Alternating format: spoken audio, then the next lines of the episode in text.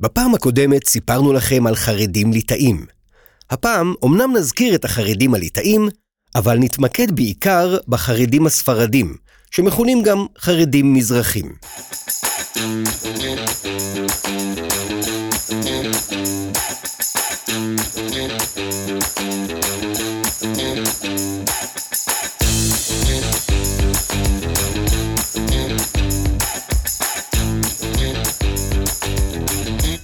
היי, אני גדי לוי, ואתם מאזינים לעץ הדעת, הפודקאסט שבו אנחנו מנסים לעודד חשיבה ביקורתית ולענות על שאלות מעניינות, שלרוב אנחנו לא מקבלים עליהן תשובות מספקות. אתם מוזמנים לחפש אותנו בפייסבוק, תחת השם עץ הדעת הפודקאסט, ולשלוח לנו שאלות משלכם.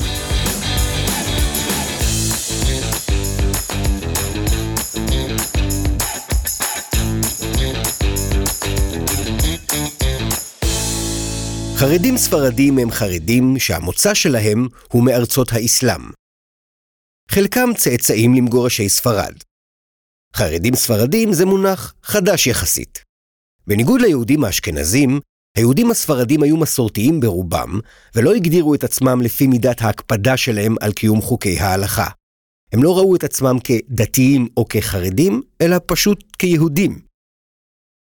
בארצות האסלאם, תפוצת הישיבות הייתה מצומצמת בהרבה מזו שבמזרח אירופה. גם הלימוד בישיבות הספרדיות היה שונה מהלימוד בישיבות האשכנזיות. הישיבות האשכנזיות התמקדו בלימודים תאורטיים, בשיטת הפלפול. לעומתן, הישיבות הספרדיות יועדו לצרכים פרקטיים, להכשיר את התלמידים שלהן להיות רבנים שינהיגו את הקהילות היהודיות בארצות האסלאם. הישיבה הספרדית הראשונה שנוסדה בישראל הייתה ישיבת פורת יוסף. היא הוקמה בשנת 1923 בעיר העתיקה בירושלים על ידי יהודים מסוריה ומעיראק. פורת יוסף הייתה בעלת גישה מחמירה יחסית לישיבות ספרדיות אחרות בנוגע לחוקי ההלכה היהודית. הישיבה הזו הצמיחה מתוכה את הרבנים הספרדים הבכירים ביותר. למדו בה גם הרב יצחק כדורי וגם הרב עובדיה יוסף, שנזכיר בהמשך.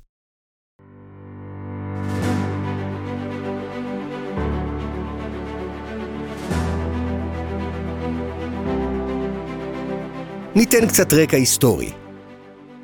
בסוף המאה ה-19 התגוררו בארץ ישראל כמה עשרות אלפי יהודים, שהיו בעיקר ספרדים.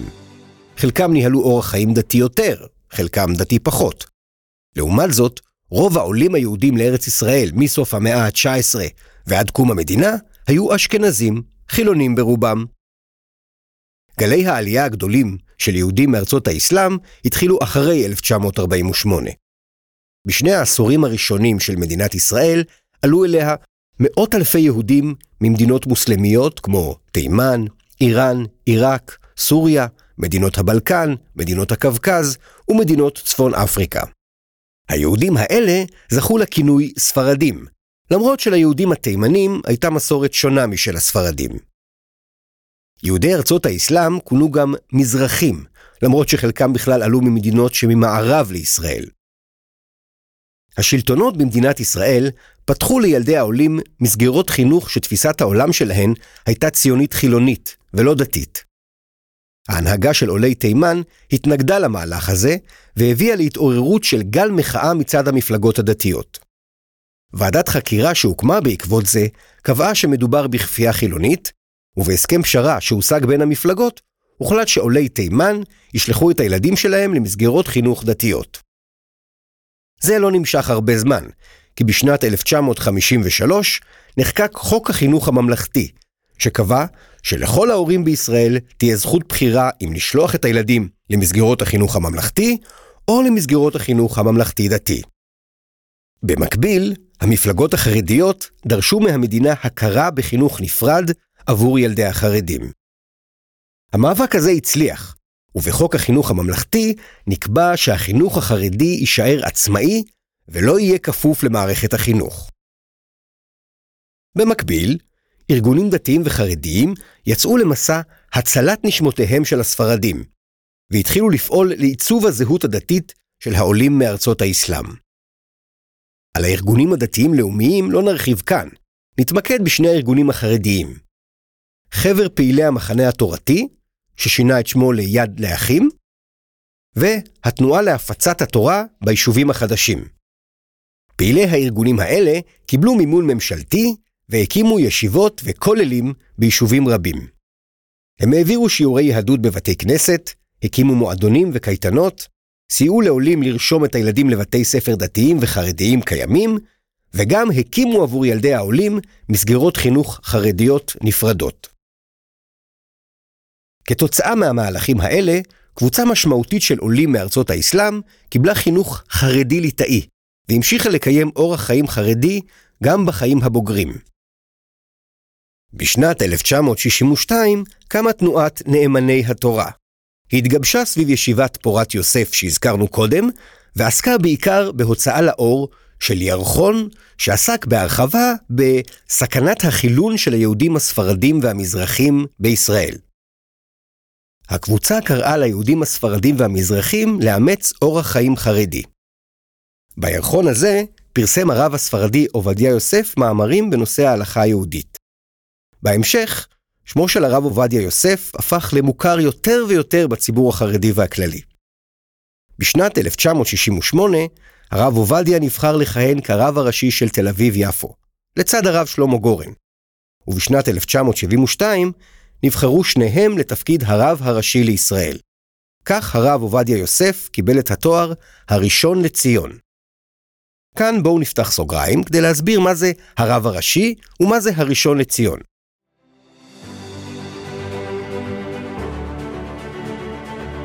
הרבנות הראשית לישראל היא המוסד שאחראי על נושאים רבים, כמו רישום נישואין של יהודים, מתן כשרות למסעדות ולמוסדות ציבוריים, הפעלת מערכת של בתי משפט שנקראים בתי דין רבניים, ועוד. במאה ה-19 חיו בישראל יחסית מעט אשכנזים. העות'מאנים ששלטו בארץ ישראל העניקו סמכויות לרב הספרדי הירושלמי, שיהיה נציג היהודים והאחראי על גביית המיסים במחוז שלו. הרב הזה כונה בהתחלה חכם בשי, ראש החכמים, ובהמשך הראשון לציון. היהודים האשכנזים, שחיו בישראל, לא קיבלו על עצמם את ההנהגה של הראשון לציון, והתנהלו מול השלטונות העות'מאנים בדרכים אחרות. אחרי מלחמת העולם הראשונה, השלטון על ארץ ישראל עבר לבריטים. בתקופת השלטון הבריטי הוקמה הרבנות הראשית, והוחלט שיהיו ליהודים שני רבנים ראשיים, אחד ספרדי ואחד אשכנזי. גם כיום, בשני התפקידים הראשיים של הרבנות הראשית לישראל, עומדים שני רבנים ראשיים, אשכנזי וספרדי. אחד מהם עומד בראש המועצה שמנהלת את כל הרבנות הראשית, והשני עומד בראש בית הדין הרבני הגדול, שהוא הסמכות העליונה של בתי הדין הרבניים. תפקיד הרב הראשי קצוב כיום לעשר שנים בסך הכל, כשאחרי חמש שנים, שני הרבנים הראשיים מתחלפים ביניהם בתפקידים. עכשיו נסגור את הסוגריים, ותכף נחזור גם לרב עובדיה יוסף. בשנת 1982, פעילים חרדים ספרדים התחילו להשתחרר מחיבוק הדוב הליטאי. הם הקימו את תנועת התאחדות הספרדים שומרי תורה, שהתמודדה בבחירות למועצת העיר ירושלים. התנועה קיבלה את תמיכתו של מנהיג הציבור הליטאי, הרב שך. האותיות שנבחרו לפתק ההצבעה של התנועה היו שין וסמך, והכינוי הרשמי של התנועה הפך להיות ש"ס, ראשי תיבות של שומרי תורה ספרדים. הקמת התנועה נחשבה להצלחה גדולה, כי היא גרפה הרבה קולות, והצליחה להושיב במועצת העיר שלושה נציגים. בעקבות ההצלחה של ש"ס בבחירות המקומיות, החליטה התנועה להתמודד גם בבחירות לכנסת, כמפלגה נפרדת. ש"ס הציגה את עצמה כתנועה חברתית, ובחרה לפנות לא רק אל האוכלוסייה החרדית-ספרדית, אלא לכלל יוצאי ארצות האסלאם בישראל. הרב עובדיה יוסף, שהבטחנו לחזור אליו, קיבל על עצמו את המנהיגות הרוחנית של המפלגה. יחד עם רבנים נוספים הוא הקים את מועצת חכמי התורה, שתפקידה היה לקבל את ההחלטות המהותיות בשמה של מפלגת ש"ס. בבחירות האלה, ש"ס הפתיעה ביכולת שלה לגייס קולות של מצביעים וזכתה לארבעה נציגים בכנסת. מאז, ש"ס גדלה והתחזקה עוד ועוד.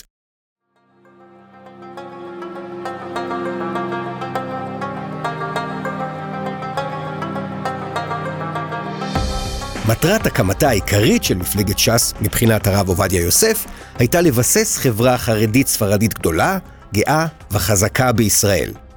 הרב עובדיה נהג להשתמש בביטוי להחזיר עטרה ליושנה, כלומר להחזיר את הזהות היהודית-ספרדית לגדולתה. הוא קרא ליהודים יוצאי ארצות האסלאם לזנוח את המנהגים הייחודיים שלהם ולאמץ לעצמם אורח חיים חרדי-ספרדי אחיד בהתאם לכתוב בשולחן ערוך. השולחן ערוך הוא חיבור מהמאה ה-16 של רבי יוסף קארו. הוא נחשב לאחד החיבורים ההלכתיים החשובים ביותר. אגב, הכינוי של רבי יוסף קארו היה מרן, שזה מורנו בארמית.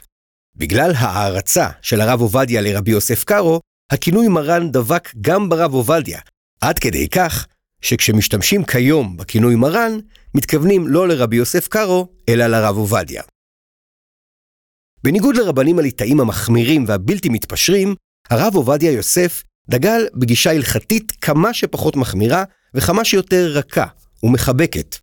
הוא הורה לתלמידים שלו לנהוג בכבוד גם כלפי אנשים שאינם מקפידים לקיים את כל חוקי ההלכה. הרב עובדיה נקט בשיטת זיכוי הרבים.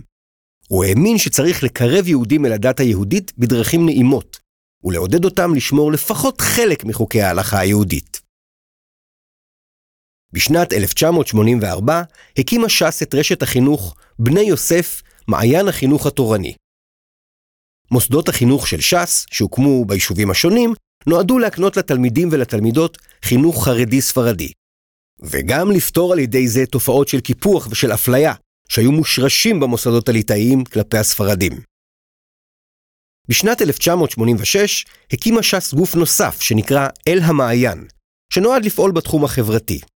היא הקימה מפעל של חלוקת מצרכי מזון למשפחות נזקקות, ארגנה בני נוער להתנדב בבתי חולים ובבתי אבות, סייעה בייעוץ הלכתי למשפחות, ארגנה קייטנות מוזלות לילדים, נופשונים למבוגרים עם הרצאות של רבנים, וסיורי עלייה לקברי צדיקים.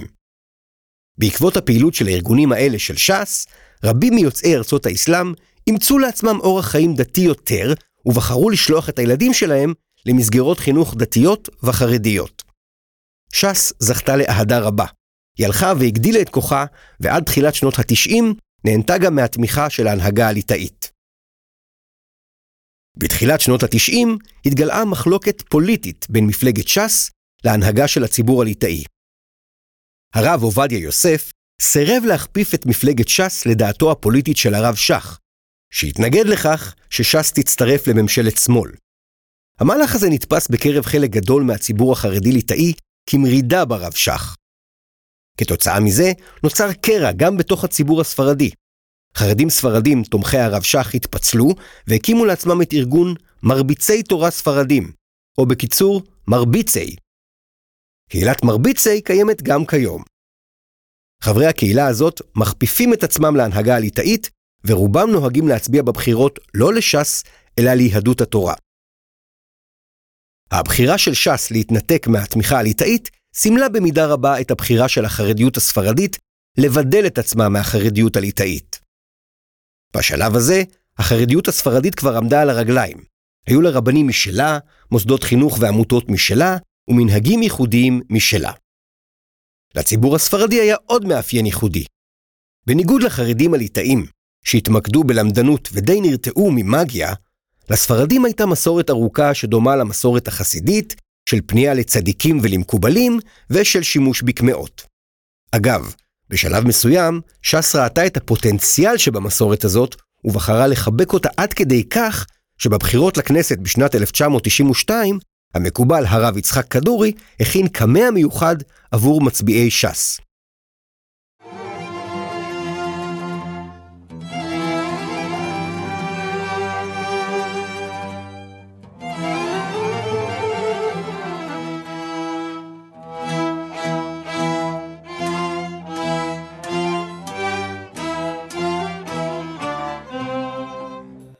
נרחיב קצת על המסורת הזאת של פנייה לצדיקים ולמקובלים, שנקראים לפעמים גם בבות.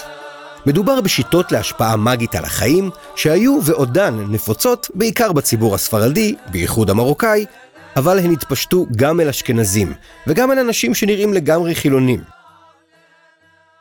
שושלת מקובלים מפורסמת ממוצא עיראקי היא משפחת כדורי, ושתי שושלות מפורסמות של מקובלים ממוצא מרוקאי הן המשפחות אבו חצרה ופינטו. המשפחות האלה עשירות ביותר. ההון שלהן נאמד במאות מיליוני שקלים.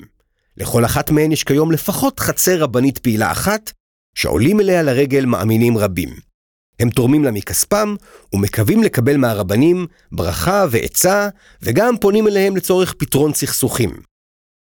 החצרות האלה דומות במידה רבה לחצרות חסידיות, וההנהגה בהן עוברת בירושה. בראש החצר של משפחת כדורי, ובראש ישיבת המקובלים נחלת יצחק, עומד הרב יוסף כדורי, הנכד של הרב יצחק כדורי. מדובר בחצר קטנה יחסית. בראש החצר של משפחת פינטו עומד הרב יאשיהו פינטו. אבא שלו הוא ממשפחת המקובלים פינטו, ואימא שלו היא ממשפחת המקובלים אבו חצרה. הרב יאשיהו פינטו הוא המנהיג של קהילת שובה ישראל. הוא הורשע בשיבוש הליכי משפט ובמתן שוחד ונידון לשנת מאסר. אחרי שהשתחרר מהכלא, הוא היגר קודם לארצות הברית ואחר כך למרוקו. הוא משמש כיום כאב בית הדין של הקהילה היהודית במרוקו. בראש החצר של משפחת אבו חצרה בנתיבות, עמד בעבר המקובל רבי ישראל אבו חצרה, שמוכר יותר בשם הבבא סאלי. בבא זה אבא, וסאלי זה קיצור של ישראל. לאחר מותו, בשנת 1984, המשיך את דרכו הבן שלו, רבי ברוך אבו חצרה, הבבא ברוך. הוא הורשע בעבר בלקיחת שוחד וריצה חמש שנות מאסר. במקביל לבבא ברוך, הקים חצר רבנית בבאר שבע האחיין שלו, רבי אלעזר אבו חצרה, הבבא אלעזר. הוא נרצח בשנת 2011 בדקירות סכין על ידי אחד המאמינים שלו שהתאכזב ממנו. הבן שלו, פנחס אבוחצירא, הוכתר לממשיך דרכו. הבולט מבין רבני משפחת אבוחצירא כיום הוא אחיו של הבבא אלעזר, רבי דוד אבוחצירא, שהקים חצר רבנית בנהריה. גם משפחת איפרגן, שלא הייתה מוכרת במרוקו, הקימה בישראל שושלת גדולה של עושי ניסים, שמכנים אותם לפעמים גם מקובלים. למשפחה הזאת שייכים הרב יעקב איפרגן, שמכונה הרנטגן, אחיו הרב חיים עמרם איפרגן, שמכונה האולטרסאונד, שנפטר לאחרונה מקורונה, אחותם הרבנית ברוריה זבולוני, שמכונה הבוררת, האחיין שלהם, הרב יגאל שריקי, שמכונה הסיטי, ואחיו, הרב נתנאל שריקי, שנחשד לאחרונה לכאורה בעבירות מין. אנחנו לא נספיק להיכנס לנושאים האלה כרגע יותר לעומק.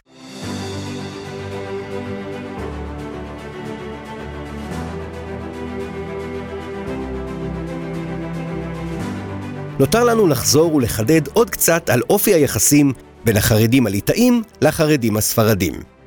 הליטאים נוטים להפלות חרדים ספרדים ולא להתחתן איתם. החרדים הספרדים מתחתנים בדרך כלל ביניהם.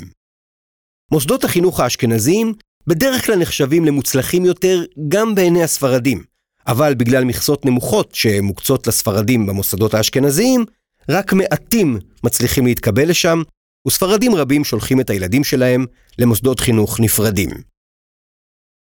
החזות החיצונית של הגברים בציבור החרדי-ספרדי דומה מאוד לחזות הליטאית. יוצא מן הכלל הרב הספרדי הראשי, שלובש גלימה ומצנפת ייחודיות. לעומת זאת, רוב הנשים בציבור החרדי-ספרדי נראות שונה מנשים בציבור הליטאי, כי בעקבות פסיקה של הרב עובדיה, הן נוהגות לחבוש כובע או מטפחת, ולא פאה נוכרית. בעקבות הסכסוך עם הציבור הליטאי, ובמיוחד לאחר פטירתו של הרב עובדיה, כמו בציבור הליטאי, גם לציבור החרדי-ספרדי אין מנהיג אחד בולט שמקובל על כולם. אגב, החרדים הספרדים נוטים להיות מתבדלים פחות מהחרדים הליטאים. רובם שומרים על קשר הדוק גם עם קרובי משפחה שאינם חרדים. רבים מהם משרתים בצבא ועובדים. עוד כמה מילים על מחזירים בתשובה בציבור הספרדי. אחד מהמחזירים בתשובה הכי מוכרים הוא הרב זמיר כהן, שהקים את הארגון הידברות, שמתפעל גם ערוץ טלוויזיה בכבלים. מחזיר בתשובה נוסף הוא הרב אמנון יצחק, שפעל בעבר במסגרת הארגון הליטאי ערכים, ובהמשך הקים את הארגון שופר, ויצא נגד הפשרנות של תנועת ש"ס. הוא נחשב לדמות קיצונית וסוחפת, מעביר הרצאות בכל רחבי הארץ, ומצליח לגרום לאנשים רבים להתחזק בקיום חוקי ההלכה. יכולנו להרחיב עוד הרבה על כל אחד מהנושאים שהזכרנו ועל הגוונים השונים שבתוך היהדות הדתית. יכולנו לספר גם על המנהגים הייחודיים של יהודי אתיופיה ושל יהודי תימן, אבל נזמין אתכם לחקור את זה לבד. בזאת מסתיים הפרק החמישה עשר של עץ הדעת, על כל ששת חלקיו. מקווים שנהניתם ושחידשנו לכם משהו. אני גדי לוי, הפרק נכתב והופק על ידי יהודית זוהר. עורך הסאונד, אופיר לוקאי אליסף. האחראי על ההקלטה, אילן בריידמן מהקורד סטודיו. תודה שהאזנתם. נשמח אם תדרגו אותנו באפליקציות השונות. מחכים שתכתבו לנו שאלות ושתשתפו אותנו במחשבות שלכם על התכנים שלנו. מבטיחים להגיב לכולם. מוזמנים כמובן לפקפק בכל מה שאמרנו היום ולחקור בעצמכם. להתראות בינתיים. נשתמע בפרק הבא.